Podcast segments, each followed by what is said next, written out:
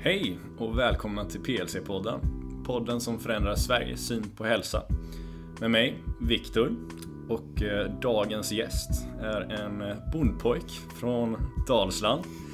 En djup, esoterisk, öppetsinnad person som jag har privilegiet att eh, både kalla kollega men nu också god vän. Robin, välkommen till PLC-podden. Tack, vilket fint intro. Jag tar mest av att, att du eh, konkurrerar ut mig här som programledare faktiskt. ja, idag är ju rollerna lite ombytta. Jag sköter intervjuandet. Ja. Ska vi se om jag kan fylla dessa stora skor. Kanske träskor? Ja, men 44 om jag inte missminner mig. Ja, stämmer. Jajamän, jajamän. Och det ska bli väldigt intressant att mm. prata med dig idag och det ska bli väldigt kul att dela med av din story som mm. jag finner väldigt intressant och inspirerande till eh, våra lyssnare mm. här idag. Det ska bli intressant vad du har kokat ihop Jag får se vart det, vart det tar sig någonstans. Ja.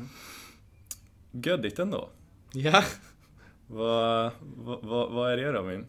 Göddigt ändå. Det, det, är ju förkapslat, för er som kollar på YouTube så är ju, har jag en tatuering på min vänstra handled, min enda tatuering.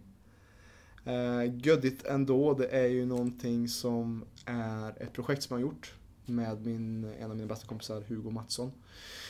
Och eh, det var ju pre-PLC, men vi håller ju fortfarande på eh, på ett sätt. Eh, det är ett mindset, att det är att någonting är gött ändå. Lite Göteborgsslang, göddigt ändå. Just att, eh, att se livet halvfullt, eller se glaset halvfullt istället för halvtomt som många gör. Och att se hur lyckligt lottade vi oftast är i livet, särskilt om man lever i ett västerland eller i som vi gör. Eh, och eh, som den här tatueringen till exempel som jag har på min vänstra handled, den fick jag gratis under ett av våra projekt som jag och Hugo gjorde ihop då, som heter Snyltresan. De bästa 7,5 timmarna som finns på YouTube. Tack! Får jag inflika. Fylla upp mitt ego. Det är perfekt. För de som vill synas framför en kamera. Eh, så den här, bland annat den här, eh, vi, vi reste då genom hela Sverige, kallade Snyltresan gjorde vi 2017 under sommaren där. Eh, där vi reste 25 dagar från Smygehuk till Treriksröset med en liten twist. Vi postade vårt bankomatkort i den sydligaste brevlådan till eh, hotell Kilpis i Kilpisjärvi som är närmaste liksom, orten till Treriksröset. Så under 25 dagars tid så reste vi eh, och tog oss utanför vår komfortzon. Ehm, och eh, utforskar Sverige och dess folk helt enkelt genom att lyfta, eh, be om mat. Eh, vi använder inte några kontanter eller pengar alls. Eh, och så bland annat då så fick jag min första tatuering, lite utanför min komfortzon, att göra min första tatuering på Alternative Art i Sveg. Och kollar man noga på den här tatueringen som jag visar upp för Viktor här nu så står det just Alternative Art under eh, Göddigt ändå, själva loggan då. Och det var deras ultimatum för att jag skulle få den gratis. Var att jag skulle för evigt då vara förknippad med Alternative Art i Sveg, där jag gjorde den. Så, och den finns ju på Youtube då, just det avsnittet. Utan deg i Sveg heter det avsnittet. jag kan säga, jag sträckkollade ju den här serien när jag väl mm. fick upp eh, ögonen för den. Den är svår att slita sig ifrån. Eh, varmt rekommendera som feelgood grej att kika på varje kväll om man känner för det. det är 26 fantastiska avsnitt med yeah. lite sidospår yeah. också. Så det är värd, värd en kik definitivt. Och mm. den känslan som spred mig i alltså jag satt och kollade på det här med ett stort leende genom alla timmarna egentligen. Eh, för det är en sån fantastisk attityd och inställning som ni tar med eller som ni förmedlar mm. i, i den här resan. Jag tror säkert vi kommer komma tillbaka till, eh, till en massa referenser med, med den yeah. resan genom det här samtalet. Eh, men det här är ju ett av flera projekt mm. som, som du har gjort det, det, senaste. Och just det som du nämnde där med att ta sig utanför sin komfortzon är ju någonting som du gjort väldigt mycket det senaste. Jag vet ju flera exempel och vi kommer komma in på allihopa här mm. eh, så småningom, eller många av dem i alla fall, så är det säkert flera som jag inte har lyckats gräva fram eller ha reda på. Ja. Men eh, det här eh, när eh, kanske självkänslan eller självsäkerheten eh, och det här att man utmanar sig själv och verkligen gör saker som andra kan tänkas är svårt. Det får det ju kanske framstå för någon som inte vet mer om det att ja, men Robin är så här, han har alltid varit så här. Ja. Såklart. Men så har det inte varit. Nej. Utan du var ju, vad jag har hört, ett eh, frigående barn, bondpojk från Dalsland. Som sagt. Du gillar att orientera och spela ja. fotboll och ja, men, har det göddigt. Mm. Eh, och det verkar väl som att du hade en ganska schysst uppväxt. Eh, och, men vad som eh, jag är väl medveten om, vi har pratat om det flera gånger, och eh, vad som är lite i kontrast till den här självförtroendet som, som kan verkas vara eh, som hur det är självklart nu. Eh, men någonstans där runt 12-13 eh, så, så mm. var det väl något som skedde va? Eh, mm. Kan du berätta lite, lite vad som hände där? Kanske ska vi berätta lite innan åren om, om det är relevant till det här mm. också. Men, mm. men de första åren där framförallt 12-13. Ja, eh, yes precis. Alltså jag är ju en resultat av alla mina val eh, i livet. Och eh, som precis som alla andra såklart. Um, och jag skulle säga att jag växte, ja precis, jag hade en jättebra uppväxt. Jag växte upp som uh, med mor och far och tre storebröder. Så jag var minst av... Minst av uh, Syskonskap på fyra där då. Precis, fyra bröder. Så det var mycket tjo och sim och mycket bråk framförallt. Mycket fotboll och sådana grejer. Uh, så att jag, redan från tidig ålder så var jag tvungen att hävda mig väldigt mycket. Eh, faktiskt, med mina bröder. Och eh, jag var alltid den som utmanade. Eh, och var inte rädd för det. Men sen så skedde någonting där när jag var runt 11 när jag skulle börja femman. Alltså 11, 12, 13 års ålder, ja precis. Eh, då gick jag från att vara väldigt självständig. Alltså min mamma eh, har berättat i efterhand liksom att jag själv kunde gå ut i kohagen och herde, vara en koherde i typ en halv dag eller någonting. Och jag kunde laga mat själv och sånt. Eller enklare mat då såklart. Och ville vara ensam hemma när hon skulle åka och handla och grejer. Redan som ung bondpojk då. Och, men just runt när jag var 11 och jag tror det hänger också ihop med att min mamma gick in i väggen för typ tredje gången. Mm. Där. Eh, och jag tror ju mycket på det energetiska och hur vi tar också Eh, ja, hur vi tar oss an andras energier också. Särskilt om man är en familj. Så är det klart att, som jag säger till många klienter också, att du som mamma, du som pappa, du är bland det viktigaste. Du är liksom hövdingen i familjen och mår inte du bra så kan du räkna med att kanske dina barn också kan få diverse diagnoser och sånt för att inte du är i balans. Är inte du i balans så hur ska dina barn kunna vara i balans?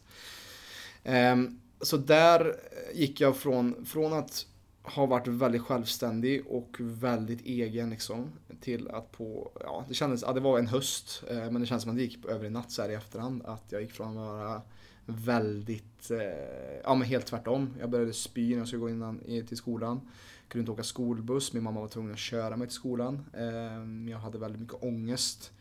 Eh, jag Eh, hon, min mamma var till och med med inne på lektioner ibland för att jag skulle känna mig trygg. Eh, jag hade svårt att äta inför folk i matsalar och större sällskap. Jag var väldigt rädd för att misslyckas och spy. Just det var en, en, en rädsla som jag hade. Så att det var min, min uppväxt är ju kantad utav detta då. Alltså detta pågick egentligen hela min, min tonårsperiod egentligen. Eh, och också in i 20-årsåldern också på ett sätt med osäkerheten. Sen så kunde jag tygla det på vissa sätt och, och det är ju som det ligger till grund till varför jag håller på med det jag gör idag. Alltså för att jag vill sprida det ljuset som jag inte hade när jag var yngre. Mm. Jag vill vara en stark, starkare variant av Robin som idag kanske är någon som lyssnar på det här och är på samma plats som jag var då. Oavsett om man är 11 eller 33 eller vad det än är. Och eh, jag, jag ser min, det som hände i, när jag var 11, det var en initiation. Mm. Varje sår, det är lite som också vår, vår gemensamma mentor som vi också har bondat över också, Elliot Hull säger det, every wound is a womb. Varje sår är en livmoder, eller det är liksom en, en portal till någonting större. Och en kris eh, när man kommer tillbaka till en kris så ser man oftast att shit, ja men där fick jag ändå, jag var tvungen att ändra mig och hitta verktyg för att överleva och till att skapa ett nytt liv. Så att jag ser, många ser ju kriser eller saker som händer mot dem, att det är just att det händer mot dem.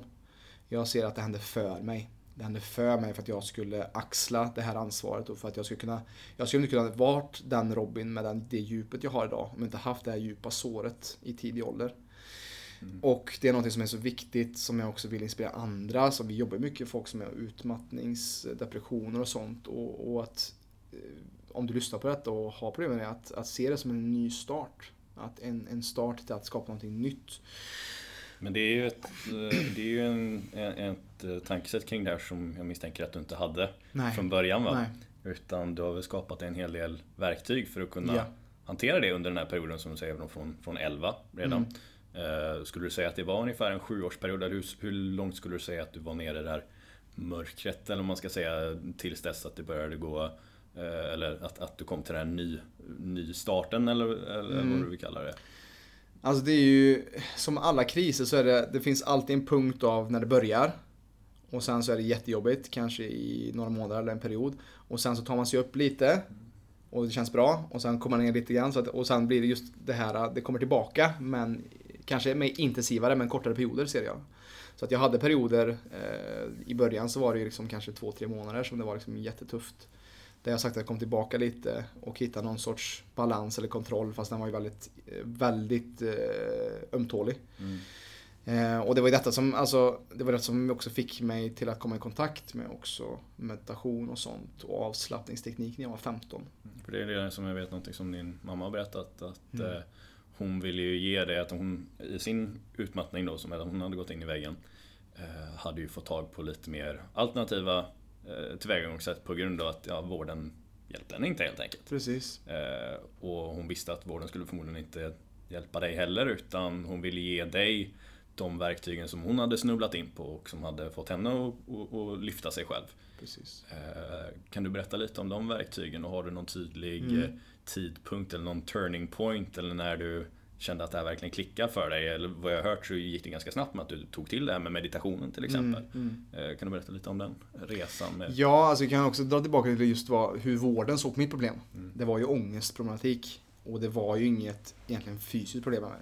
Utan det var ju mentalt. Och eh, vården gav mig Novalucol för min mage. Och eh, så hade jag också problem med min, eh, min jag hade typ pollen eller liksom mm. det här, just det som vi snackade om mycket andning. Mm. Jag andades nog säkert på fel sätt så jag hade också lite spirometriundersökningar för att just se min lungkapacitet och sånt. Um, och min mamma har, hade också en period av, det, det har jag insett sett det senaste just att jag, det jag håller på med nu, det är ju liksom också det som min mamma är ju lite som klienterna som jag jobbar med idag. Mm. Hon är lite i samma profil lite. Att gått på tunga antidepressiva i många år. Haft problem med liksom, huvudproblem med akne och gick liksom på akutan och sådana riktigt, riktigt, tunga, riktigt grejer. tunga grejer som inte är bra. Och hon har gått den resan från att försöka lita på systemet och hitta men fick ingen hjälp där. Mm. Eh, och Eh, gått den mera, en mer alternativ väg. Österländsk medicin. Hon har, plugg, hon, har, eh, hon har pluggat så många kurser så jag vet inte vad. Till, hon är akupunktör, hon är eh, typ ett medium, hon kan kommunicera med andar. Hon eh, har gjort så mycket saker och olika kurser eh, när det kommer till spiritualitet och andlighet. Hon är också schaman faktiskt. Eh, och det här har ju också varit att hon också haft ett stort sår. Så hon tog ju med mig på behandlingar, både massage när jag var väldigt ung och sakralbehandlingar för att just balansera upp mina chakran. Jag visste inte vad det var när jag var 13 liksom, men, men det hjälpte ju på något sätt. Mm. Men vändningspunkten var nog just där också mycket när jag var 15 och eh, jag blev intresserad av till, mamma tog mig till en som heter Harriet Gullin som jag tackar än idag för att hon gav mig verktygen till att börja meditera och göra målbildsträning. Och det är också det som är grunden till det som jag jobbar med med våra klienter i PLC-gruppen också. Jag var 15, jag kunde ändå spela fotboll faktiskt. För att jag, det var någonting som jag älskade, var att spela fotboll. Och det var någonting som, även fast all den här ångesten, så kunde jag ändå göra det. Andra individuella sporter som typ orientering kunde jag inte hålla på med för att det blev så stor press på mig själv. Men när jag kom till fotbollen så kunde jag ändå hålla fast vid detta. Eh, men när jag skulle ta klivet upp i Frändfors Frändefors IF A-lag så var det en... Eh, ja, då hade jag så mycket ångest för att träna med de äldre grabbarna som jag förstår idag är de liksom inte så mycket äldre än, de är ju yngre än vad jag var, är nu liksom. Men när man var 15 så var någon som var 20-25 mm. ganska, eh, ganska, det var, man var rädd för man också hört en storebröder snacka om att ah, det är så tufft och de nya blir tryckta in i ribbstolen när man kör inomhusträningen. Och, så jag hade mycket ångest kring det då, att ta det steget. Eh, men jag ville inte sluta och min mamma visste ju det också. Så då introducerade jag mig till Harriet då. Som gav mig verktyg till att börja meditera och i och med att jag hade det här brinnande drömmen att bli fotbollsproffs i Chelsea FC, som var mitt favoritlag för övrigt. Så gjorde jag det här religiöst. Jag gjorde målbildsträning och eh, meditation för att stärka mitt inre. Varje dag i stort sett i flera månader tid och såg verkligen effekt på det. Och där väcktes ju liksom, aha, tankens kraft är så otroligt viktig att ta i åtanke när det kommer till din personliga transformation. Ofta så kollar folk bara på det fysiska, hur jag äter och, och hur jag tränar. Vilket är väldigt trubbigt. Vi behöver gå djupare. Mm. Eh, och där, det var väl där det skedde för mig då. Helt mm. enkelt. För det är också intressant att se hur alla de här sakerna hänger ihop. Mm. Eh, att man kan kolla på, precis som du säger, man kan kolla på maten, man kan kolla på rörelsen. Eh, men vad som är ovan alla de här sakerna, eh, de fysiska sakerna som vi gör, är just alltså, på den här totempålen mm. av prioriteringar. Mm. Så det fysiska som sitter högst upp, det är ju andningen. Alltså hur vi andas, det, det påverkar varenda annan fysisk process i våran kropp. Men någonting som påverkar andningen, alltså det enda som, som är högre upp än andningen på den här prioriteringslistan, det är ju våra psyke. Ja. Eh, för vi kan ju faktiskt välja att eh, ja, sluta andas. Eh, och därav så ser vi ju alltså hur, hur stor effekt själva psyket och hur mm. vi tänker kring saker och ting kan ha på allting annat. För alltså det är underordnat och som vi brukar prata om i, i våra ja, poddavsnitt här, men med klienter överlag. Att eh, när vi ska göra en förändring, vad det än må vara, så börjar det alltid med din dröm. Mm. Och alltså, hur du tänker kring saker och ting. För även om vi kan säga att ja men absolut ät så här, eh, tänk på det här med andningen och eh, drick så här och rör dig så här. Om vi inte vet varför vi ska göra det eh, så kommer vi förmodligen inte att göra det. Och det kan ju komma från de här djupa såren till exempel som fått en i vissa tankemönster och banor som kanske inte är så, så bra då som man behöver jobba på. Eh, men med det sagt så kommer ju säkert, alltså andningen är ju till exempel ett verktyg som kommer få dig att kunna hantera när det känns skit liksom, så kan vi ändå påverka det fysiskt. Och det kommer påverka hur vi känner oss, hur mm. vi mår. Eh, lika som med maten såklart. Äter vi väldigt bra mat och magen mår bra, ja, då kommer vi generellt sett känna oss bättre. Liksom. Då kommer det bli enklare eh, att eh, ta tag i saker och ting som vi behöver ta tag i. Yeah. men förr eller senare så måste vi också precis gå till roten med det, ta tag i det. och de här verktygen är ju precis det, det är ju verktyg för att komma underfund med ja, vilka är mina sår? Vad är det jag behöver läka? Liksom? Mm. Vad, är det jag, vad är det som får mig att, vad är det som styr mina val? Ja. Bra. Eh, men eh, meditationen säger mm. du är ett av de stora verktygen som, som har hjälpt dig. Har du, har du påverkats mycket av någonting annat? Eh, de, om, om vi tänker runt den här perioden eller kanske lite kort efter. Eh, när du kände att du kanske hade kommit ifrån, eller att eh, du säger att det alltid var kvar lite grann, va? men att eh, när du kände att du gick till nästa nivå, mm. eller man ska säga.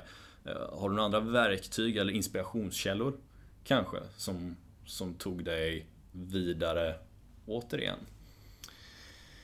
Eh, ja, för alltså, det här upptäckte jag när jag var 15 och sen så upptäckte jag också alkohol när jag var 16. så, så att det var ju också någonting som gjorde att det är inte någonting som jag vill inspirera alla andra att hålla på med. Men jag vill också säga att, att jag lärde mig det här meditation och sen så Alltså jag skulle nog inte säga förrän jag var 22-23 som jag var mer fri från ångest. Jag kan fortfarande ha ångest såklart, alltså alla har ju ångest någon gång. Men just den, just den här grundnervositeten som jag alltid bärde på. Eh, så det fanns ju också destruktiva verktyg som jag tog till. Mm. Eh, när jag var 16.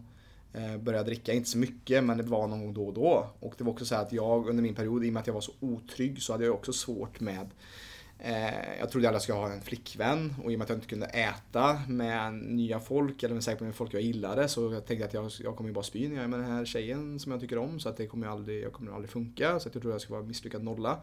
Så upptäckte jag alkohol som gjorde att, ah, här blev jag lite modig.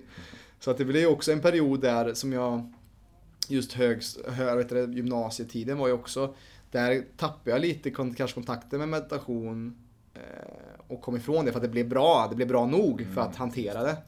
Och sen så kom lite mer alkohol och sånt in i bilden och då blev det också att jag letade mycket tomma engångsligg och bekräftelse via just, just den saken. Alltså gå ut på krogen och, och, och, leta eh, väldigt tom, tom motivation om man säger. Eller, mm. ja, på, från en väldigt ja, men, låg frekvens om man kollar på medvetandenivå. Mm. Eh, som många är fast i också, många, mm. många är kvar där. Eh, men sen så, ja vad skedde sen? Jo men det var väl som vi också var inne på i ditt avsnitt, alltså eh, någonting som skedde som var liksom en, som han kallar sig själv också, mm. en liksom eh, divine spark, Elliot Hulse. Var ju, som jag upptäckte 2000 13 kanske. Ungefär samtidigt som, som jag gjorde det också. Precis, och detta är alltså en amerikansk strength, alltså en, en, en, en coach helt enkelt. Som, men också som är, han var en strongman men också en av de första som jag såg tänkte holistiskt. Mm. Eh, och såg också inte, han tog mycket frågor, för jag har inte, jag har inte varit en gymrotta. Men jag har tagit åt mig hans filosofi som han spred just att följa sitt hjärta, göra saker som är jobbiga utanför sin komfortzon, mm. att följa det som gör dig eh, rädd. Mm. Eh, och detta skedde också typ som en annan kris som hände då när jag var, när jag var 20, ja, 2013, då var jag 22. Det var också att en relation tog slut. Mm. Eh, och det, många av mina relationer som tar slut har också varit liksom jobbiga, men också lett mig till att rannsaka mig själv och bli bättre. Och vad Elliot gav mig tillsammans också, jag hittade också någon som heter Ralph Smart, han lägger också fortfarande upp fruktansvärt mycket YouTube-videos fortfarande. Eh, som jag följer inte honom så mycket längre. Och Elliot är lite in och ut så. Jag håller faktiskt på att läsa hans bok King just nu som är jättebra. Där finns jättemånga bra verktyg där han snackar om affirmationer, och psyket. Eh, King, Warrior, Magician, mm. Lover. Att ha ett balanserat psyke till exempel. Olika arketyper. Ja. Olika arketyper, ja. Eh, så att det var... Jag upptäckte honom och också en, en rad andra. Rav Smart, Preston Smiles. Mm. Alltså det var många coacher som också... Eh, som började föda lite någonting annat, någonting djupare inom mig. Mm. Och med det så, så skapade jag, alltså det blev ett frö för någonting nytt. Och det var ju lite det som Raggens Runda skapades, en löpartävling som du säkert kommer snacka om också. Eh, det var lite det fröet skapades där, skapa någonting nytt. Gör något utifrån din komfortzon. Mm. Skapa någonting som du inte tror du kan klara av och gör det. Mm. Jajamän. Det, det är ju också lite Eh, skönt för många att höra säkerligen att resan har inte bara varit okej okay, men jag var här och sen så blev allt bra liksom. Ja. Utan att det går ju upp och ner. Ja. Och så är det ju med livet överlag. Liksom. Ja, men du, hade en, eh, du hade en riktig downperiod så tog du upp och ner och sen hittade alkoholen så blev det en dipp och sen så mm. var det något som ryckte upp dig därifrån. Liksom. Mm. Och det, det, är lite så det funkar. Va? Det, livet går ju i olika faser, olika cykler. Mm. Men att man också får ut någonting förhoppningsvis, precis som du säger här att det kanske var lite därifrån som du fick den här omställningen som människor som har tagit tag i saker och ting har fått och som alltså när, när man kommer till det här att istället för att se kriser som något som händer mot dig, mm. att istället är någonting som du kan använda dig av, att det kan vara för dig. Yeah. för det, det ser man ju oftast inte kanske när man är djupt nere i den. Men om man då får en inspiration, så man får den här divine spark, man får en sträckande hand ovanifrån mm. som rycker upp den. Men hallå där lille grabb, du kan se på det på det här sättet. Yeah. Men också få ja, lite mentorskap mm. som är något som vi är stor avsaknad av idag. Eh, Särskilt unga män ja. Särskilt absolut. unga män, mm. absolut. Och det är ju precis det som Elliot gjorde både för mig och för dig. Och mm.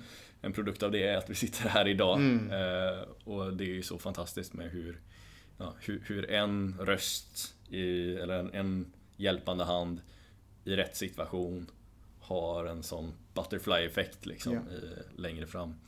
Helt fantastiskt verkligen. Men mycket det här med att ta ansvar och ändra sitt tankesätt där mm. var ju det som jag fick ut av den här perioden. Det låter som att du fick mycket, mm. mycket lik där och du gjorde ju väldigt mycket med det. Eh, alltså du tog ju också action mm. eh, på det och började, började skapa massa projekt och, och allt möjligt. Och Ragges runda var vi någonting som du nämnde här. Var det en av de första grejerna? Det var, det var startskottet jag för att yeah. börja göra någonting utanför min komfortzon. Jag ville säga det också just att som Elliot, alltså Precis som jag, som jag säger att välj dina tankar noga. Mm.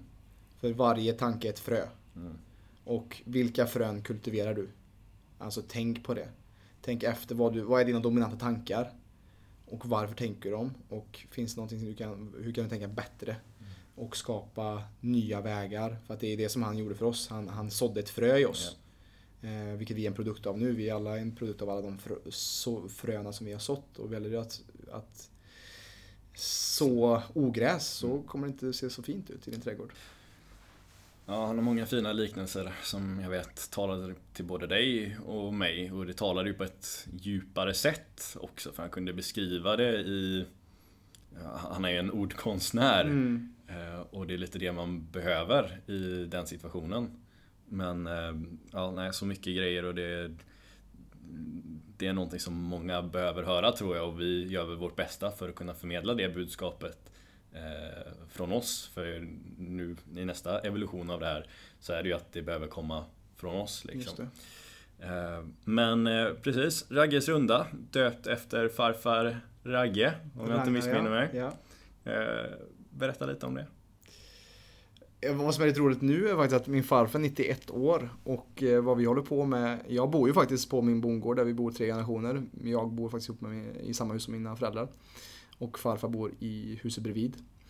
Eh, så det tycker jag också är lite roligt med er som kanske är, är coachade av mig, att ni blir coachade av någon som bor hemma hos sin mamma och pappa. Eh, är lite roligt kanske att, att veta. Eh, så man kanske är, tänker lite oväntat, men eh, i alla fall, just nu håller jag och, och farfar Ragnar, 91 år, och hugga veden för nästa års, eh, för att ha till pannan. Och han kan knappt gå, men eh, han tar sig fram med krycka och har ändå en elmotorsåg som håller på och som jag ställer upp efter honom. Och så att just min farfar har också varit en inspirationskälla på det sättet att, att eh, han ger fan mig aldrig upp. Och eh, det finns inga ursäkter. Och även fast han har är sne och vind och har bytt höft tre gånger, han är säkert mer titan än, än människa nu för tiden liksom. Så har han också alltid gett sig fan på, alltså den här bondementaliteten. Som jag också tror jag ärvt från mina föräldrar också.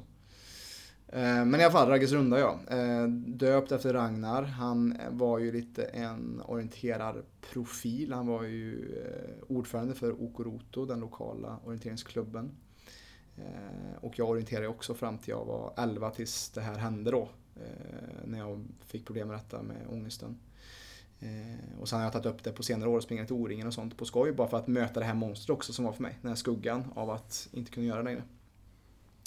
Eh, men så han gjorde en, en vandringsled som var där som jag bor i södra Dalsland. Eh, en gammal väg, en gammal stig. Eh, som, som han gjorde i ordning egentligen. Han gjorde i ordning den leden och var ute på mossarna och la spångar och sånt. Och, och den kall, alltså det, den rundan som är 5,6 km den kallas Ragges runda i lite i, i runt där vi, i orienteringsklubben och så. Så då 2013 när jag gick igenom lite det här uppbrottet med en tjej, jag var lite förtvivlad och hade så mycket energi som gick åt det. Och jag behövde lite kanalisera min energi åt ett annat håll, mot ett mer moget sätt, eller liksom, ja men för att komma över det där jobbiga som jag gick igenom då.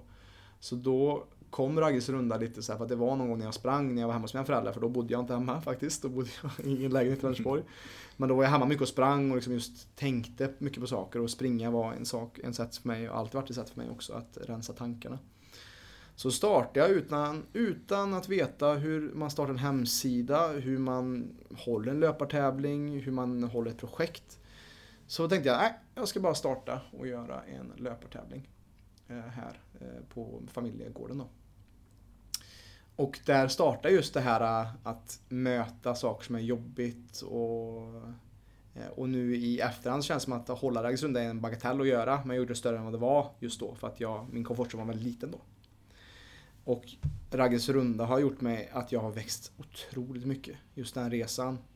Eh, och eh, just det, i, i den vevan också så upptäckte jag också bandet Loop Rockers. Mm. Som också varit ett väldigt eh, inflytelserikt. De, de släppte ett album som heter Mitt hjärta är en bomb som än idag är en av mina favoritalbum, svensk hiphop. Eh, Promo. Promo ja, är eh, en av eh, figurerna där i, i det bandet. Eh, som jag också blivit vän med också nu på senare år. Um, vilket är också fantastiskt. Jag vet inte hur, hur, hur det gick till. Men uh, från att vara ett Die Hard-fan. Uh, så det, det albumet, det handlar just om att gå sin egen väg också. Så att det där var också någonting som var på repeat det året. Just att våga gå sin egen väg. Och när jag började med Ragges runda så var det också så att då slutade jag också successivt att hänga med på krogrundorna med mina kompisar. Och folk undrar men vad är det med Robin, varför är inte han med längre och så. Och det blir liksom en, det blir som en schism där. Mm. Och en tomhet också. För att jag var lite i limbo. För att jag ville jobba på mig själv och ville skapa ett nytt projekt. Men den andra tiden jag hade tid då när jag jobbade som budbilschaufför på familjeföretaget också.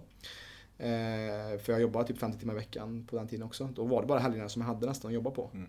Så att då blev det som att då försvann det för att jag ville jobba. Och också för att jag började lyssna på Elliot också. Och han var ju som en mentorskap eh, online. Så att Ragges runda blev ju också eh, Första gången så var det också ganska, ska säga, ett omoget ursprung. Vad det kom ifrån. För det var också en, en känsla att jag ville bevisa mig själv för världen. Och skapa någonting större än mig själv för att bevisa mitt värde för andra. Kolla på mig hur bra jag är för att jag startar ett nytt projekt. Mm. Ungefär. Ehm, för det kommer ju också från den här dåliga självkänslan från när jag var yngre. Mm. Eh, så att eh, med Ragges runda då så... De som inte vet vad det är för övrigt.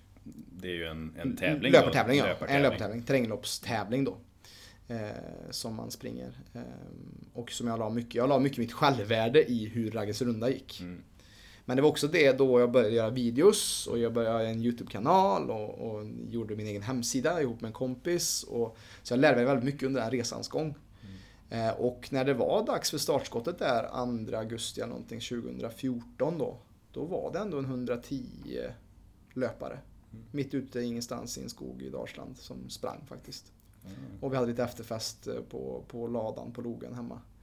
Eh, och sen så har jag haft det varje år förutom 2016 då jag lite också hade en liten mindre kris. Eh, där jag liksom slutade med allt egentligen. Och där det inte var lika roligt längre. Mm. Jag tog på mig för mycket ansvar, mådde väldigt dåligt. Mm. Eh, och var deprimerad under en, två månader faktiskt. För att jag hade tagit på mig för mycket saker och ville göra så mycket. Mm. Det var så mycket eld i mig, som det är oftast i unga män som vill skapa. Mm. Men jag hade inte, som jag mycket snackar om idag, work in. Jag, mm. jag, tog inte tid till att sova rätt, äta rätt, andas rätt och meditera och sådana grejer. Eh, så jag har faktiskt kört det sex år eh, och planerar att köra i år också i sommar. Mm. Eh, och det är ju intressant där med eh, hur många paralleller man kanske kan dra mellan den situation du var i och många som, många som kanske lyssnar på det här mm. har befunnit sig Eller just det, det här är en universell situation att befinna sig i. Att yeah. man tar på sig på tok för mycket, för mycket eld, för mycket järn. Liksom vi pratade om i Work-In-podden där. Mm. eh, och just att man behöver balansera det för så småningom så kommer universum säga åt dig, eller din kropp kommer säga åt dig att eh, du, nu är det dags att ta det lugnt här. Och som, yeah. som, du gillar att säga, först kommer en liten fjäder yeah. och viftar. Sen kommer en tegelsten mm. i nyllet och sen mm. kommer helt last med tegelstenar. Från Banders, bara rätt in bara. Boom, boom bap. Jajamän. Eh, men något annat som jag tänkte vi kan prata om lite snabbt där, som mm. du touchade på. Som säkerligen många också kan känna igen sig i, vare sig de har kommit dit ännu eller säkerligen varit i situationer som tidigare. När man försöker göra en förändring. Mm. När man ändrar på sig själv. Och det här är också något som Elliot pratat om mycket med Folk vill sätta dig i sin fyrkant, kunna placera dig. Nej men Robin är den här personen, Robin gör det här, Robin gillar att dricka alkohol på helgerna, mm. Robin är den här. Jag vet vem Robin är. Mm. Men när du sen då börjar säga nej till det här och börjar ändra på dina beteenden. Och där kan vi dra som parallell då till, säg, säg någon här då som kanske inte vill äta vanligt vetemjöl längre och kanske inte vill äta de här mindre bra fetterna mm. och bry sig om att börja köpa ekologiskt och, mm. och allt sånt här. Jaha, då tänker många i din närhet kanske, eller att du inte vill dricka alkohol lika mycket då. Mm. Eller att du inte vill vara med på, ja äta tårta och sånt här. Eh, vad det än må vara. Mm. Eh, name your example liksom. Men då är det många som tar det som Jaha, du gör inte det här längre. Är inte jag tillräckligt bra? Är det något fel på mig för att jag gör det här? Eller är du, anser du dig bättre än vad jag är för det här? Eller, man vill få tillbaka, man vill kunna sätta folk i de här fyrkanten och så fort du börjar ändra på saker och ting då tar många runt omkring sig det som, ja men någonting rakt mot Personligt. Personligt, mm. precis. Vilket det inte absolut ska vara. men eh, man, man, man växer ju ifrån mm. vissa människor. Många växer ju med den, absolut. Mm. Men det är ju också ett, ett steg i sin mognad att kunna ta det och jag tror många kanske fastnar ja. i de här mer negativa omständigheterna eller de mindre bra valen just på grund av att man vill vara lite konformistisk där och kanske anpassa sig efter omgivningen.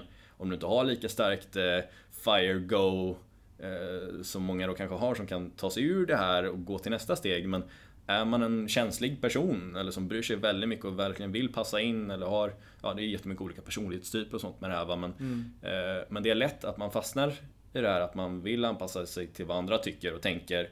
Och, eh, men på bekostnad av ens inre. Det är där drömmar dör. Mm. Kan jag säga. Det är där drömmar dör i andras opinioner. För att de är inte beredda att se den högre visionen som du håller. Mm. Ehm, som till exempel att vi, den här Järva som vi säger i varje avsnitt, vi vill förändra Sveriges syn på hälsa. Det är inte så många som, som håller den visionen. Och det krävs, det, jag snackade också med en, en kommande gäst som vi kommer ha också. Han har också förändrat Sveriges syn på hälsa. Det ska bli intressant att snacka med honom. Han sa det när jag pratade med honom i telefon. Eh, att jag sa lite på skoj så här, ah, men, ja, vi, vi har ju väldigt djärvt mål med att förändra Sveriges syn på hälsa. Och han skrattade lite och sa ja, men det är också de som är galna nog att tro att de kan göra det, som lyckas med det. Eh, och som du säger just med, eh, jag tappade väldigt många vänner Eh, och nu i efterhand, jag var väldigt bitter väldigt länge.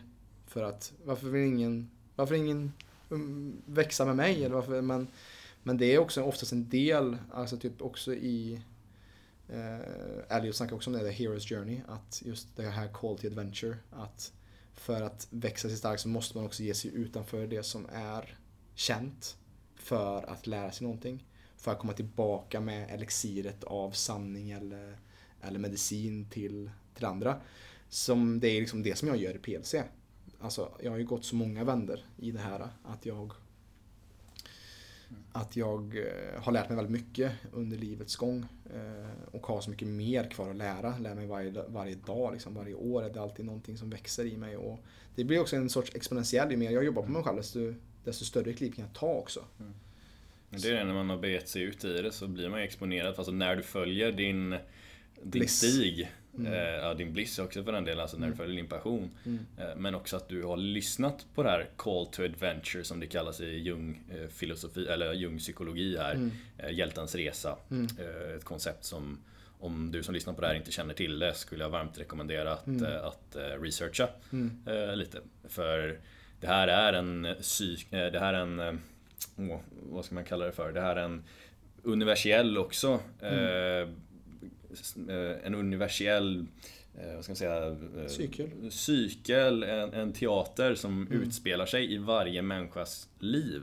Att vi går genom olika cykler. Mm. Men någonstans så har vi, och flera gånger under vårt liv, så har vi alltid det här call to adventure då, eller ropet på äventyret. Mm. Att det är någonting inom dig som vill göra något annorlunda. Som skriker innan, nej men jag vill ju egentligen bli författare. Det är den här fjärden som vi snackar om. Ja. Mycket. Alltså just det här och, och lyssna inte på det. Så kan det istället komma en utmattningsdepression istället för att du, för att du inte har lyssnat. Precis. Du har inte tagit dig tid att lyssna. Och därför kan det manifestera sig i en kris då. Ja. Och, och, det är det, och krisen är där av en anledning. Ja, ja. Det, det, är, när du har en kris så är det kroppens sätt att säga åt dig. Du lyssnade inte på de första fem fjädrarna och första fem tegelstenarna. Mm. Så nu får du en riktig jäkla tung mm. grej här. Men det är just kroppens sätt. Alltså kroppen håller på så här tills dess att du lyssnar. Yeah. Och eh, det här är också någonting som kan, ja, vilken kris som helst. Vare sig det är att eh, man, eh, man har förlorat någon, någon relation till exempel, eller om det är något hälsomässigt då. Eh, vare sig det är en utmattning, en depression, eller om det är eh, ja, men någon sjukdom kan det vara på, på många sätt och vis. Eh, och ja, det kommer tyngre och tyngre ju längre man ignorerar ja. alla de här eh, ropen på, alltså dels för vad kroppen har att säga dig hela tiden och den feedbacken den ger på dina val. Men också det här djupt psykiskt rotade då. Mm. Eh, kallet på äventyr. För visst, absolut, man kan ignorera en fjäder som säger åt dig att sluta äta eh, det här vetemjölet till exempel. För du får problem med magen. Det kommer så småningom manifestera sig betydligt mycket mer. Men eh, sen är det ju en ännu tyngre grej. För vetemjölet är ganska enkelt att ändra på. Men om man har gått flera, flera år och egentligen haft en tydlig dröm om man, vad man vill göra men ignorerat sin inre röst där mm. och istället lyssnat på andra och konfirmerat till det och sen befinner sig i en situation som ja, är långt ner den stigen, då kommer den här krisen komma så småningom fast betydligt mycket starkare. Ja. Eh, återigen tills dess att du lyssnar och det är ju aldrig för sent att lyssna. Det är bara att krisen kommer vara tyngre mm. varje gång. Mm. Eh, bra. Fantastiskt. För det du sa där med att du, du är mycket utanför, eller du gör mycket saker utanför din komfortzon. Mm. Det får man säga nästan har präglat eh, dina senaste år sen, eh, ja, men sen du började med Raggersund och gick in i den perioden. Ja av ditt liv? För jag har ju flera exempel här på saker som är utanför komfortzonen. se vad du har... jag har inte skrivit ner alla här men jag har ju koll på en del. Som sagt, dels med det här såklart, projektet där och sen mm. att du eh, har rest en hel del för att leta, alltså gå, gå vidare med, med olika projekt eller olika inspirationskällor då. Mm. Som att du faktiskt åkte och såg på din mentor här i USA. Eh, gjort flera resor vet jag med, med, kring meditation och ja. eh, lite sökande så här. Eh, även en väldigt intressant eh, period som var då som, eller det var väl, jo det kanske var under tiden som jag träffade dig men framförallt när jag träffade dig inför, inför att introducera dig till PLC men mm. Eh, att du bodde på en kursgård ja. ett par år, det är ju definitivt utanför en komfortzon mm, för en mm. normal människa eller vad man ska mm, vara, en medelsvensson. Eh, kan, kan du berätta lite om, eh, och även det med snyltresan såklart, mm. Eh, att, att åka genom hela Sverige utan pengar och eh, från syd till norr liksom. Mm. Det, det är ju ingenting som vem som helst skulle få för sig att göra. Det är en jäkla utmaning, vad fan är det här för idé liksom? Ja. och det är ju inte bekvämt någonstans. Nej. men vad, vad känner du är, för det här är ju något som du fortsätter göra mm. också. Känner du att du kommer vara klar med det här någon gång? Med alla de här utmaningarna som du sätter dig själv för? Sätter du för hög press på dig själv i nuläget? Har, har du, känner du att det här har gett det bra som det skulle ge till? Eller har du, är det här något som du tror kommer följa med hela livet? Att man hela tiden vill fortsätta utveckla sig mm. på det här sorten, just med komfortzonen. Um, hur, hur, hur, tänker du kring, kring det här konceptet med utanför sin komfortzon? Det är någonting som är någonting som genomsyrar allt jag gör tror jag. Mycket. Och jag känner att jag har landat mer i de sista åren. Alltså för, från, till en början så var det som jag sa med Raggersund att det kom från en källa av att inte vara bra nog. Nu har jag lite landat i att jag är faktiskt bra nog. Jag är faktiskt ganska bra nog. Mm. Och nu är det mera så här. okej okay, om det här var möjligt, vad är då mer möjligt? Som också förra året sprang jag 100 km på 14 timmar 45 minuter. Och i år har jag också som mål att springa 100 miles, 160 kilometer. Det här är ju som en ganska enkel sätt att se liksom att här kan, ja, göra mer helt enkelt. Eller göra längre. Alltså en ganska enkel sätt att se. Då pushar jag min komfortzon på det fysiska. Ehm, och eh, så bara, vad är mer möjligt i livet egentligen? Och när man börjar rota i det där och inser vår potential, hur hur, vi, hur det är bara våra tankar som sätter stopp för vår inre potential. Det är det som jag har upptäckt och det som är så roligt att ständigt gång på gång, hmm, det här gick ju faktiskt. Aha.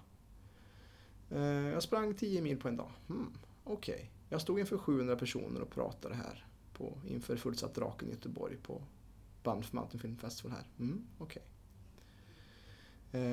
och Raggersrunda. Jag lyckades boka mitt favoritband Luther Rockers till ladan på min familjegård för en unik spelning som jag tror jag aldrig kommer glömma den dagen.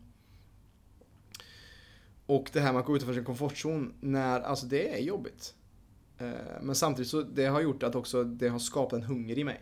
Mm. Att alltid göra det. För att det, det, det är så... Eh, det blir som en kick också lite så här, att det, det är någonting, och det är någonting, alltså en positiv kick. Mm. Att inse att, att man... De begränsningar som du har på dig själv, som du som lyssnar också, de är inte sanna. Och om du kollar tillbaka på saker som du gjort i ditt liv, kanske tre, som du inte trodde var möjligt för tre år sedan, som du gör nu, idag. Så tänk då, vart kan jag vara om tio år? Om jag, för de, om jag kollar tillbaka tio år i mitt liv, då var jag ju fortfarande liksom ute på krogen och härja. Och... Ja, den Robin skulle inte kunna tänka sig stå inför fullsatt eh, publik och Nej. göra alla de här projekten. Och, ja, det, Nej. Men det kunde du, eller det, mm. det, det väl kanske lite det då, som att du Eh, eller sannolikt det som drev dig. Alltså ja. hade inte det varit, funnits där från första början, hade inte den här krisen eller det här eh, mörkret eller skuggan ja. funnits så hade ju inte ljuset blivit så starkt. Nej, precis. Och det gäller ju för vem som helst eh, en lyssnar liksom, vilken mm. kris man än är igenom eller vilken situation man än är i. Saker som är jobbigt. Mm. Det är ju där som polariteten är. Det är den här, alltså, världen funkar ju på yin yang principen, kontraster. Mm. Hade det inte funnits några kontraster då hade allt bara varit grått och mm. bara bleh. Men vi har ju faktiskt kontraster och det är ju det mörka som gör att det är ljust. Det är det dåliga som gör att det bra kan vara så bra. Annars mm. hade det bara varit. Och, yeah. Eller det är, allting är bara, om du ska bli väldigt filosofiska, allting är vad det är. Men det är vi som sätter om det är Meningen bra eller dåligt. Men ja, det är just den här, ja, det är dipparna som kan ge topparna. Och... Ja, exakt. Och jag vill se hur mycket är möjligt i mitt liv att göra. Och jag ser också, ju mer saker jag gör utanför min komfortzon, desto mer inspirerar jag andra runt omkring mig till att mm. tänka om. Kring, okej, okay, vart är det jag bullshittar mig själv? Mm. Vart är du som klient som lyssnar på det här? Eller vart är du som lyssnare? Vart är det jag bullshittar mig själv? Vart, vart kan jag göra mer faktiskt? Mm. Och det är också en av mina, på senare år när det kommer till löpning så är ju David Goggins en ultralöpare, en gammal Navy Sealare, också eh, gett mig mycket eld under mina fötter. Att just göra någonting som suger och som är utmanande. Att många vill vara lyckliga och söker efter lycka. Jag söker inte efter lycka. Utan jag söker efter att vara nöjd. Eller som jag snackade lite med, med Ellen också i vårt coachingporträtt av henne. Att just vara stolt och nöjd över det man har skapat. Och inte söka efter lycka för det är väldigt hedonistiskt på något sätt. Och jag tror att det är det som är felet med många, vad som händer i samhället. Är att många vill... Man har glömt bort det stoicistiska. Alltså det här att strip away, alltså ta bort saker och göra det enklare. Och att i relation också med allting då, mörker och ljus, att när man sätter sig i någonting som är jobbigt och utmanande så gör det också att eh, vi skapar ett djup i oss själva och det gör också att vi blir mer tacksamma för det lilla. Mm. Precis som att vi tog bort pengarna under 25 dagar och gjorde snyltresan. Mm. Och varenda glass som de bjöd oss på, eller varje skjuts vi fick, då var vi ju överlyckliga. För att vi tog bort de här bekvämligheterna. Och många är för bekväma idag. Mm. Och det är därför folk mår dåligt. Och det är därför jag gör sådana extrema saker som kallbad. Som folk tycker extremt, som för mig är normalt att springa långt och kallbad och, och göra saker utanför min komfortzon. För det är viktigt för min egen inre styrka och jag märker också att min själ mm. växer också för varje uppdrag som jag tar mig an. Mm, fantastiskt. Och många av de sakerna som du beskriver är ju är ju saker som man från en initiell synpunkt kan tänkas svåra. Mm. Men precis som du säger, ju mer man gör det desto, desto lättare blir det. Man vänjer sig liksom. Man, det blir som en lek också faktiskt. Blir, ja, precis. Ja. Men också att det får ju, det får ju konsekvenser i eh, andra, kanske då till synes mer bagateller i livet. Alltså mm. om, man, om man inte har något emot att springa eh, eller man har något emot men man gör det ändå. Eh, springer 100 kilometer liksom på viss tid. Ja men då var det inte så jäkla jobbigt att städa liksom. Nej, det var exakt. så himla jobbigt att ta det här samtalet precis, som, precis. och möta de här utmaningarna. Eh, för på tal om utmaningar, vad, eh, alla de här sakerna du säger, det är ju saker som utmanar dig. Mm. Men som du ändå är någorlunda bekväm i obekvämligheten. Mm. Och det är ju inte någonting som du jobbar på, eller det är såklart någonting du jobbar på och försöker hela tiden göra mer av. Men vad känner du att du står inför för utmaningar som du verkligen ser som en utmaning nu? Mm. Eh, vad är det du jobbar på? Saker som du har insett om dig själv kanske det senaste? Vad är, vad är det Robin jobbar på just nu i självutveckling eller personlighetsutveckling? Ja, det är något som du sa, just omfamna det obekväma. Och Eh, det sista så... Eh, jag bodde ju på en kursgård, jag bodde på Ängsbacka kursgård och, och jobbade där med eh, eh, vara arbetsledare för städet och även för typ vaktmästeriet lite grann där. Under de ett och ett halvt åren som jag bodde där. Eh, och det lärde jag mig mycket kring där. Eh, just att bo ihop i samklang med andra.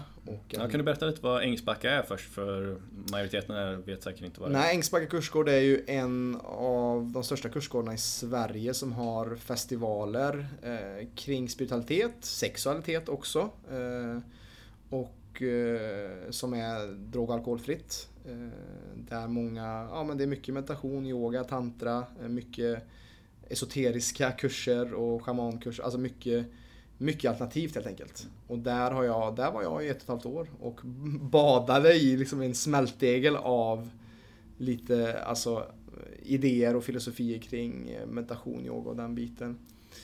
Eh, och jag har ju precis flyttat därifrån. Eh, jag fick ju jobba på PLC samtidigt som jag var där. Och eh, nu sen i december så flyttade jag faktiskt hem till min familjegård, eh, till mitt familjehem. Och trivs faktiskt väldigt bra där. Eh, har en väldigt god relation till min mor och far. Och, eh, det som varit utmaningen med det, det är liksom att den här skillnaden från att leva med 50 pers samtidigt mm. till att vara i stort sett, i och med att jag jobbar hemma, det gör inte mina föräldrar, så är jag mycket ensam, jag har mycket tid att tänka. En bok som, jag, som har varit väldigt inflytelserik sista är en bok som jag lånade dig som heter Attached, Attached eller Attachment. Mm. Som handlar om anknytningsteorier. Där jag har synat min egen anknytningsteori, där jag har insett att jag är av en väldigt avvikande eh, personlighet. Det finns antingen är du avvikande eller så är du ångestfylld eller så är du säker i din anknytningsteori. Alltså hur man knyter an till personer eller till romantiska mm, partners. Och där har jag insett att shit, jag har varit väldigt eh, flyktig i mina relationer och det har varit jävligt tufft att inse. Eh, varit många tårar sista månaderna faktiskt. Eh, där jag har eh, haft många genombrott kring detta. Ehm, så det är väl något, är någonting som jag arbetar med nu på ett personligt plan. Det är framförallt i relationer menar, alltså med, med romantiska relationer som du haft? Med, kvin- ja, med, med, tidigare kvinnor. Som eller, inte funkat riktigt men du har insett varför kanske man har kommit Ja, eh, precis. Att just att mycket är lätt att peka fingret på mm. andra. Och så shit, så bara shit, vad har jag vad har jag, vad har jag sårat andra liksom, på vilket sätt har jag gjort det? Och, mm. Eh, och det är jobbigt när man vaknar upp till det. Och, och ta, att börja ta ansvar. Vuxet, moget ansvar över sina handlingar och inte bara skylla på andra när saker inte funkar. Och sen när det kommer till det professionella planet så är det ju, jag är jättetacksam. Det känns som att detta är mitt drömjobb med PLC. Och du tog in mig här och på så sätt så, jag har ju haft mycket kunskap. Men inte haft plattformen. Eh, jag gjorde min coachingutbildning för snart fem år sedan yogautbildning också för fyra år sedan, har hållit på med yoga i tio år. Och, eh, och du har också lärt mig väldigt mycket. Eh, gett mig resurser kring, mycket kring, vi lär oss mycket av Paul Check, är ju lite det vi baserar mycket på här i PLC. Så det har öppnat väldigt mycket dörrar för att jag också, jag har skrivit ner någonstans för några år sedan, jag vill inspirera miljoner människor. Och det är nog min stora utmaning just nu, att skapa stor förändring, inte bara i mitt liv utan också för andra. Och att hjälpa andra till balans, till hälsa. Typ som i podden, att sprida idéer som lyfter upp folk i en, i en värld nu som är väldigt... Eh, ja men det är lätt att se det väldigt mörkt och att vi eh, ser, ja, typ som att jag också var mycket i en offerroll mer när jag var yngre. Mm. Och att istället växa upp och bli vuxna individer som tar eget mogna beslut över vår egen hälsa. Eh, och att stärka folk från insidan och ut, precis som jag har gjort och eh, levt igenom. Jag är inte perfekt, men jag står på en plattform nu som... Eh, det är samma så här om du är överviktig och har gått ner 50 kilo, men kanske har 50 kilo till att gå ner, om du är jätteöverviktig. Liksom. Då har du ändå den personen kan ändå hjälpa folk som, mm. även fast man kanske inte kommit ner den vikten man vill, mm. så kan du ju ändå hjälpa någon som är mer överviktig än dig. Alltså, det är kanske en dålig liknelse men, nej, nej, men just att jag ser ju inte att jag är fortfarande väldigt ung. Mm. Men jag har väldigt mycket eld att dela med mig av och mycket kunskap som jag har lärt mig. Mm. Eh, och som jag har gått igenom och genomlevt. Mm. Och det är väl min utmaning just nu. Hur, hur kan jag göra, hjälpa i samklang med dig, Jonas, Ellen, Ida, Namo, alla här på PLC. Eh, hur kan jag i samklang med er hitta min väg, min röst på ett bättre sätt. Slipa mitt svärd för att nå ut till de här miljonerna. Mm. Till att förändra på ett positivt sätt, förhoppningsvis. för er som lyssnar på detta. Eh, att få folk att börja tänka om. Och börja tycka om sig själva mer. Mm. För att det är det som är också mycket att vi, eh, ja, självkärleken till sig själv som jag försöker vakna upp till mer och mer. Och eh, det är också någonting som just det här med, som jag sa om anknytningsteori med att jag också märkt att jag har varit väldigt avvikande. Mm. Eh, att jag också har lätt att ge till folk. Men att ta emot och ta in andras beröm eller kärlek, det är något som har varit svårt för mig. Och det är också märkt, vi snackar också mycket det fysiska är det, det mentala. Mm. Och jag har haft problem med en axel, min mm. vänstra axel. Och när jag tänker djupare så har den liksom varit framåtroterad. Min mm. högeraxel har inte varit det, men min vänsteraxel har varit det. Mm. Vad har vi på vänstersidan? Hjärtat. Så att jag har liksom stängt igen min kropp också. Mm. Den feminina sidan också. Den feminina sidan också. Eh, och så att med hjälp från dig och andra, jag har varit på några alternativa eh, terapiformer också. Så har jag hjälpt att börja blockera upp här och stärka upp också. Mm. Öppna upp min bröstkorg. För att det ser också väldigt, väldigt eh, symboliskt för att om du öppnar upp din bröstkorg, ja. leva med hjärtat framåt och skapa förändring genom att leva med hjärtat framåt och hjärtat på din, på din handled liksom. Att, att, med hjärtat på hard on your sleeve. Och det är lite så jag ser också som vi mycket på PLC här, att vi, vi är ett privat företag eh, och det är därför vi är privat, för att vi ja, Alltså, vi skulle inte kunna göra det som vi gör inom vården för att mm. vi, vi skapar någonting nytt. Mm. Och jag vill inte skapa jag vill inte ersätta vården, jag vill, jag vill skapa bara en ny väg. Mm. En alternativ väg för folk att gå. Mm. Och se djupare på Folk som kommer till oss säger mycket så här, gå ner i vikt. Mm. Eh, oftast det ytligaste. Mm. Men att gå djupare, varför vill du gå ner i vikt? Vad är det som du är missnöjd med i ditt liv? Vad är det som är det djupare anledningen till att du vill ha hjälp av oss egentligen. Mm. Och det... Det... kanske har lätt till viktning, eller viktuppgången från första början. Ja, precis, precis. Och oftast är det ju en sorts, kanske grundar sig i någon sorts, ja, att man inte har självkärlek eller mm. att man inte följer sin dröm också. Mm. För att då är det oftast lätt att man hamnar i negativa spiraler och äter dåligt och så vidare. Mm. Ja, man gör mindre bra val för att man inte har kanske respekten mm. för sig själv. Mm. Eller den här självkärleken och det är ju oftast undermedvetet. Det är ju mm. väl, det är inte så att man kognitivt tänker på det ofta, ibland kan det vara fallet men ofta när man gör mindre bra val så, så är det många eh, Många tankemönster eller historiska sår kanske då som har skapat den här eh, det här sättet att, mm. eh, ja, att, att ha som rutin eller vad man nu än gör för val och handlingar. Mm. För någonstans så, ja, all, allting kommer ju från, från någonstans. Vi gör inte bara, även om det mycket händer automatiskt, så det finns ju alltid en anledning till saker och ting. Ja. Och, eh, det är viktigt, viktigt att eh, komma underfund med det så småningom. Mm. Eh, I den mån att det inte kommer från kanske det mest hälsosamma stället. Nej. Eh, absolut.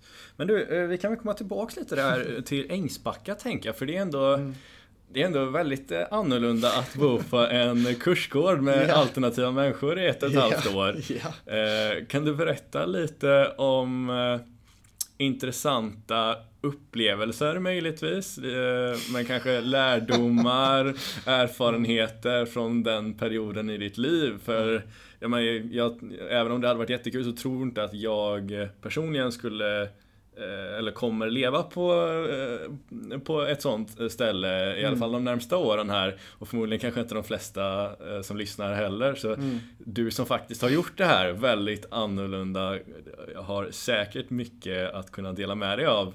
Mm. Till någon som inte har varit introducerad i den världen. Kan Exakt. Du, kan jag blir lite generad här nu för att det, hur mycket ska jag dela med mig av? För att det finns mycket intima saker också som har skett liksom där. Det är, det, alltså Ängsbacka är ju alltså det de har, det, det har funnits sedan 97 tror jag. En kurs och festivalgård liksom och på sommaren så är det ju tusentals besökare på deras största festival No Mind. Som är en liten smältdegel av just vad Ängsbacka, en potpurri av Ängsbacka erbjuder.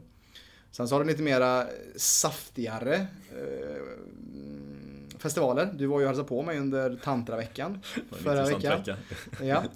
Eh, och så har de också någonting som heter Sexibility. En sex en alltså medveten sexfestival helt enkelt. Där, mm. där par och singlar kommer för att utforska just mer kanske ja, men esoteriska sätt, alltså typ tantra och mm. sånt. Eh, så att jag har ju prövat på mycket, mycket olika saker.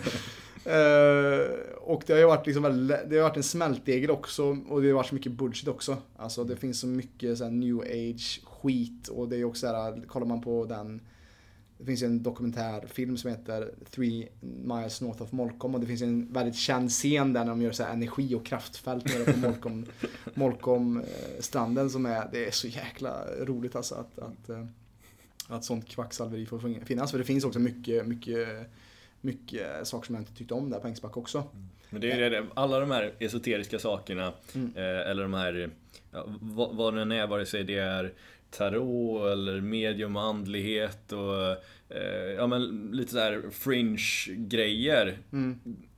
Majoriteten av det är skit. Mm. Men det grundar sig oftast i någonting Exakt. väldigt bra.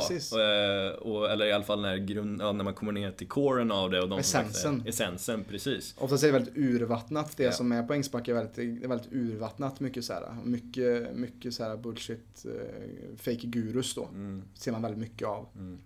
Där då, säkert på tantra, då kommer fjädrar mm. och och lite diverse andra skägg och långt hår och vem som, vem som, kan eh, kramas längst och kolla, kolla djupast och längst in i dina ögon. Alltså det är så mycket, finns mycket skit också i det. Mm. Eh, men det finns också mycket, mycket kärlek, mycket lärdomar. Alltså i och med att man också, jag bodde under festivalsommaren så är det ju 3 till 300 till 1200 på plats. Så man läser väldigt mycket i relationsdynamiker, dynamiker både med med, med vänner och med intima relationer. Mm. Eh, och det var ju därför jag kom dit. Jag blev kär i en, en, en tjej som bodde där. Eh, och eh, eh så fort jag kom dit, efter att ha haft lång distansförhållande i sex månader, så tog det slut. Mm. Och eh, jag kom dit för kärleken för henne, men jag blev lite mer kär i själva platsen Ängsbacka tror jag. Mm. Och just det här att bo i community är jävligt fint alltså. Mm. Att, bo, att du alltid delar måltider med ja, men folk, alltså vänner som du jobbar mm. ihop med och det blir inte en bubbla. Um, och att alltid ha någon att prata med. Jag mm. tror att min mentala hälsa har aldrig varit så bra som den var under Ängsbacka-tiden. För att även fast du hade en dålig dag så fanns det ändå, du kom aldrig undan. För att, du kunde, du, för att det är någonting vi ser idag så att folk är isolerade. Yeah. Så under pandemiåret också, med 2020 här, så, så levde jag ihop med 50 pers. Jag har inte, liksom restriktionerna var inte någon skillnad alls. Alltså för vi bodde ihop. Mm. Vad fan ska vi göra? Mm. Alltså ska vi hålla avstånd fast vi lever och delar liksom måltider ihop. Och kramar en väldigt stor del av det. Kramar, kramar en väldigt stor del av, alltså det är mycket, alltså mycket kärlek. Och jag ser Ängsbacka en väldigt feminin plats. Mm. Där många kommer som också är utmattade eller har problem. Ehm, mycket kvinnor, 70% kvinnor där ungefär, skulle jag säga, när jag bodde där. Ehm, och många kommer dit för att läka just djupare saker som kanske inte ja, mer alternativ, alltså läka genom alternativa sätt. Mm. För att man har prövat mycket annat så kommer man dit istället. För att pröva kurser eller någonting som, och, och mycket där funkar väldigt bra. Eh, sen så är det som du säger, alltså typ som i new age-världen så är det så mycket, mycket som jag bara spyr på. rent sagt. Men en, en rolig sak som jag blev känd för lite för, förra sommaren, det var ju, eller 2020, nej 2019. Då jag strippade för, för att få chokladkaka i kaféet där. Det var lite roligt faktiskt. Så, så jag blev anlitad också till ett, ett 40-årskalas där för att strippa inför 300 personer, jag och fyra andra män. Så att, eh, den kan jag väl bjuda på i alla fall. Sen så, sen så kanske inte jag inte vill bjuda med mig av allt som jag har upplevt och sånt. Men, men just eh, Ja, det har varit en väldigt lärorik resa att bo där. Och eh, jag ska faktiskt tillbaka dit nästa vecka för en, en, en Zen-coaching-kurs som mm. hålls av Kåre Landfalt som är eh, fantastisk eh, på många sätt och vis med det han håller på med. också ett annat sätt att, att coacha, mm. mer från eh, ett zen-buddhistiskt sätt. Mm. Eh, Så att jag ser fram emot att just att komma tillbaka till Ängsback och träffa alltså många av dem som jag varit väldigt bra. Det har också varit liksom väldigt, lite, lite jobbigt så här sista månaderna att jag har från de jag har bott ihop med ett och ett halvt år nu inte träffar för att det är lite långt bort. Mm. Så att det, det har blivit, det har blivit lite som ett andra hem Mm. och, och så. Mm. Och det verkar vara ett andra med mycket kärlek. Eh, Mm. Eller det vet jag bara från den korta tiden som jag var där. Eh, Men det syns ju också att, eh, att det har givit dig väldigt mycket Mm. i hur din approach med att ja, men kommunicera Ja. med människor framförallt. För jag menar från den ändå relativt korta perioden som vi har känt varandra Mm. så känner jag att det är väldigt enkelt att dela med mig av saker till dig och vi Mm. kan ha en eh, men vi, vi connectade ju några jag vet inte hur länge sedan det var när vi såg första gången men vi träffades en gång där vi märkte att vi hade mycket genom en, genom en gemensam kompis. Eh, märkte att vi hade mycket gemensamt eh, Mm. och ja, men klickade väl ganska snabbt där trots att du sen åkte tillbaka till Ängsbacka tror jag. Om du bara var där under en kort period om det var precis innan som du kom till Mm. Jag vet inte riktigt. Eh, men nästa gång när vi sågs igen då, introducerade till PLC och det här och eh, den kontakten vi har haft sedan dess eh, Mm. märker jag att det är så otroligt lätt att prata med dig. Mm. Eh, och det är något som jag verkligen värderar absolut, en, en vänskap med. För det, det, det är något som är väldigt ovanligt bland män som inte har känt varandra över en längre tid. Mm. Att ha den öppenheten Ja. och sårbarheten, eller kunna vara sårbar med Mm. någon annan och kunna bli hållen. Mm. Eh, både bildligt och fysiskt eh, Mm. eh, talat. Men det är ju någonting som jag såg, eller som jag har fått intrycket av Ängsbacka, det här med att det är väldigt mycket, som du säger, då, har man en dålig dag så kan man prata om det och att Ja. folk också är öppna för att göra det. Mm. De är med på det. Det är inte det här tabu kring Mm. att, eh, ja men vadå må dåligt, det finns ju inte liksom. Eller att, eh, håll det för dig själv liksom. Du behöver inte berätta det för någon annan. Utan, nej men man delar med sig och man hjälper Mm. varandra och stöttar Mm. varandra. Och som sagt, det, det är säkerligen ett, eh, ett eh, stort eh, plus i hur du sen då blir en väldigt naturlig fit för en bra coach. Mm. Till exempel. Och, och som du säkerligen med dig i ja, men konversationer med alla, men även då klienter såklart. Men även i, i vänskap som mellan oss här, att det, det är något som jag ser har säkerligen gjort mycket mycket effekt på det, mycket positiv effekt. Mm. Eh, just med att kunna ja, men hålla, hålla space, kallar man det för. Eh, att kunna, kunna ja, vara öppen och lyssna och vara med och ja, ge utrymme. Mm. Ja, det, det ligger nog mycket i det. För att det, en av de core grejerna som görs på Ängsbacka eh, är något som heter, heter delning eller sharing.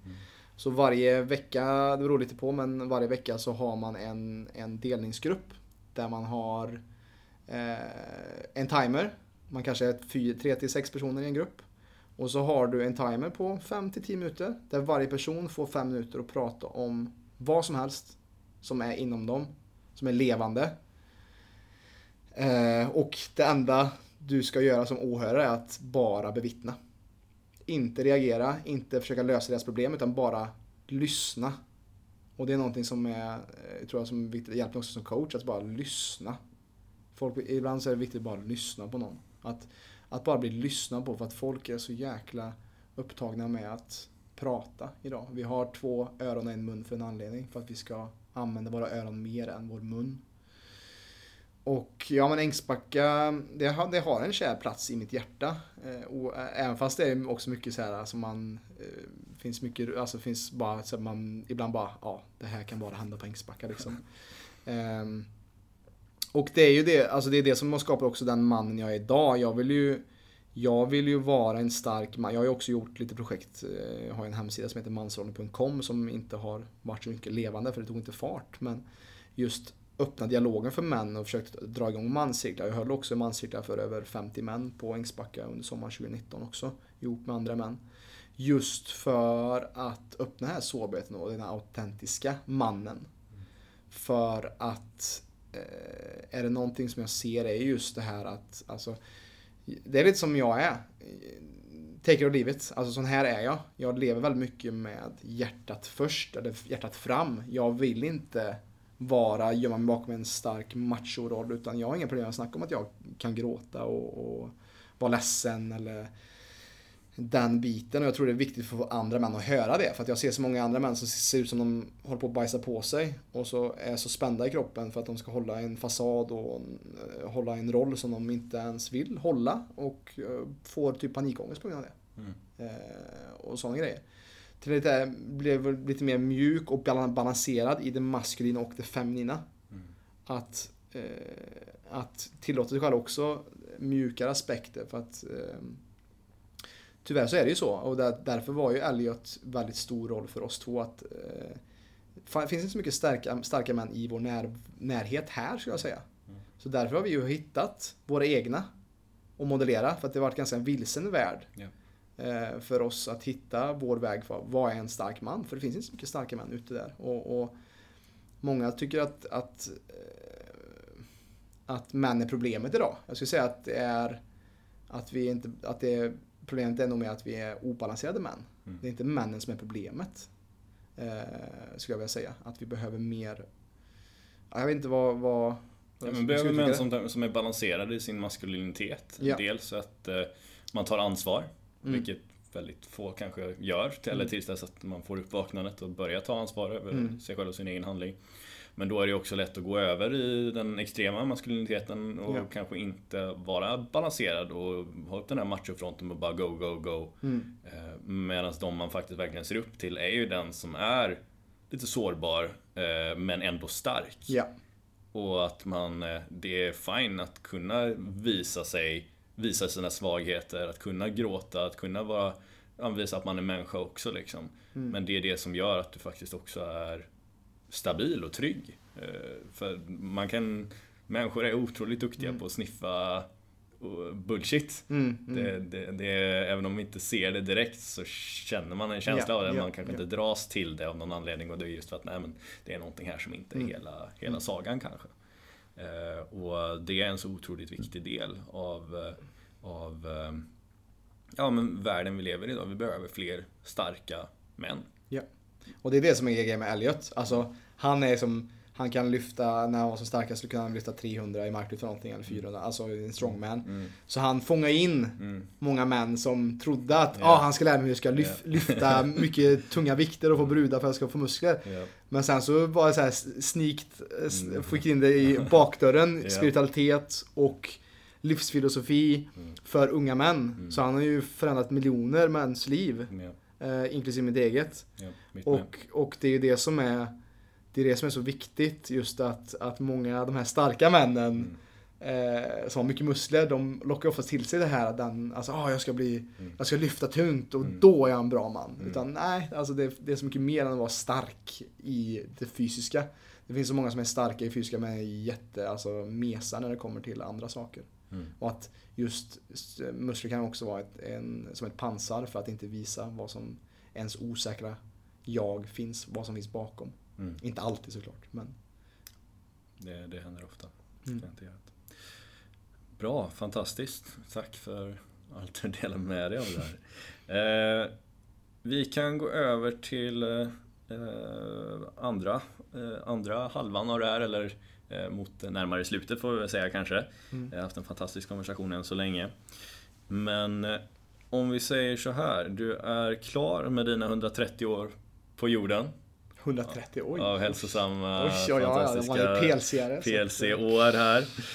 Eh, vad vill du att de i din närhet ska ha uppfattat dig som och eh, känt att ja, men, det här var Robin och det här gjorde Robin? Det är ena halvan av den frågan. Och Mm. det andra är vad vill du ha lämnat för avtryck i Mm. världen? Kanske inte då nödvändigtvis de i din närhet men folk överlag. Mm. En fråga som dök upp i en av Paul Checks eh, podcast kring spirituell hälsa. Eh, som jag har på mitt altare, meditationsaltare hemma. Det är eh, om, vad är det? Eh, han snackar om just att gör den här saken som jag kommer göra just nu, kommer den att påverka världen på ett positivt sätt? Mm. Det är en fråga. Liksom. Om alla skulle gjort som jag gör nu, kommer det påverka positivt? Och sen också eh, frågan, vill alltså jag vill lämna världen en liten, liten smula bättre än när jag kom hit. När jag kom ut skrikandes ur min mor.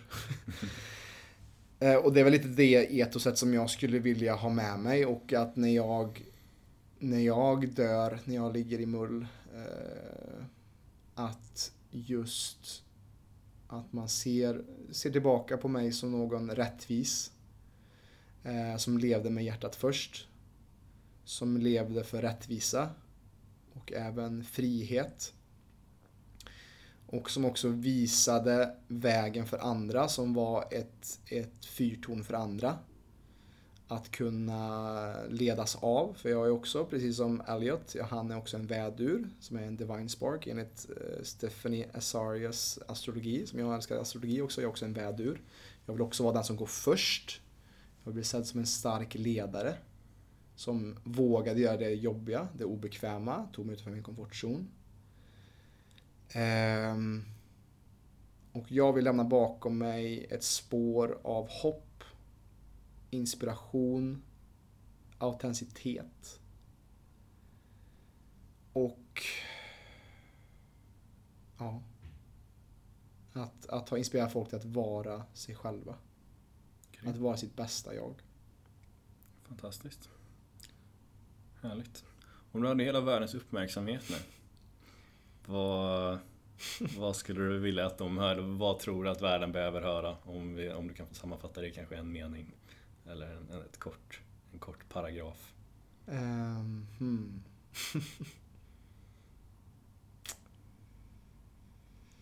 Var inte rädd. Bara gör det. Det är göttigt ändå. det är göttigt ändå. Ja men lite så här, livet börjar utanför din komfortzon och, och ju mer du sätter dig i det obekväma desto mer kommer du växa. Um, så vänta inte med att ta de här jobbiga kliven för att det kommer ta dig. Och så ta det här första steget om du tvekar på vart du är någonstans i livet. Ta det här första steget. Våga, prova, våga pröva. Vad är det värsta som kan hända? Mm. Bra. Jag tror det, jag tror det där är en väldigt bra wrap-up på mm. den här fantastiska konversationen. Ja. Tack för att du delade med dig Robin. Tack för att du tog, eh, tog så bra hand om eh, här intervjurollen. Ja, jag är tack, imponerad faktiskt. Snyggt, underbart. Och eh, om ni vill veta mer om oss här på PLC eh, och kika lite mer eh, på vad vi har att erbjuda utöver vår podcast här så eh, kan ni kolla in på vår nya hemsida. Just det. plclub.se plclub.se mm. Vi har ju även Facebook såklart eh, och Instagram. Ja. Och en YouTube-kanal. Så eh, vi hörs väl säkerligen igen eh, nästa vecka, eller beror på vilken, vilken ordning vi, vi kör våra avsnitt i här. För det kommer många spännande podcasts här framöver. Vi... Ja, roliga gäster som vi har bokat in här som jag och Viktor är väldigt exalterade över. Jajamän. Så tills dess så får jag tacka för mig och återigen tacka Robin för din tid och att du har delat med dig här och mm. Eh, jag ser fram emot många spännande äventyr och utmaningar med dig lång tid ja. framöver. Samma. Så tack för allt, tack för din vänskap och eh, eh, fantastisk kollega. Tack. Och eh, med det så säger vi tack för oss. Och har det varit intressant att lyssna på det här avsnittet, dela gärna med dig detta avsnittet till någon du känner så att vi sakta men säkert kan förändra Sveriges syn på hälsa. Bam! Där satt den. Ja, det är bra. Grymt.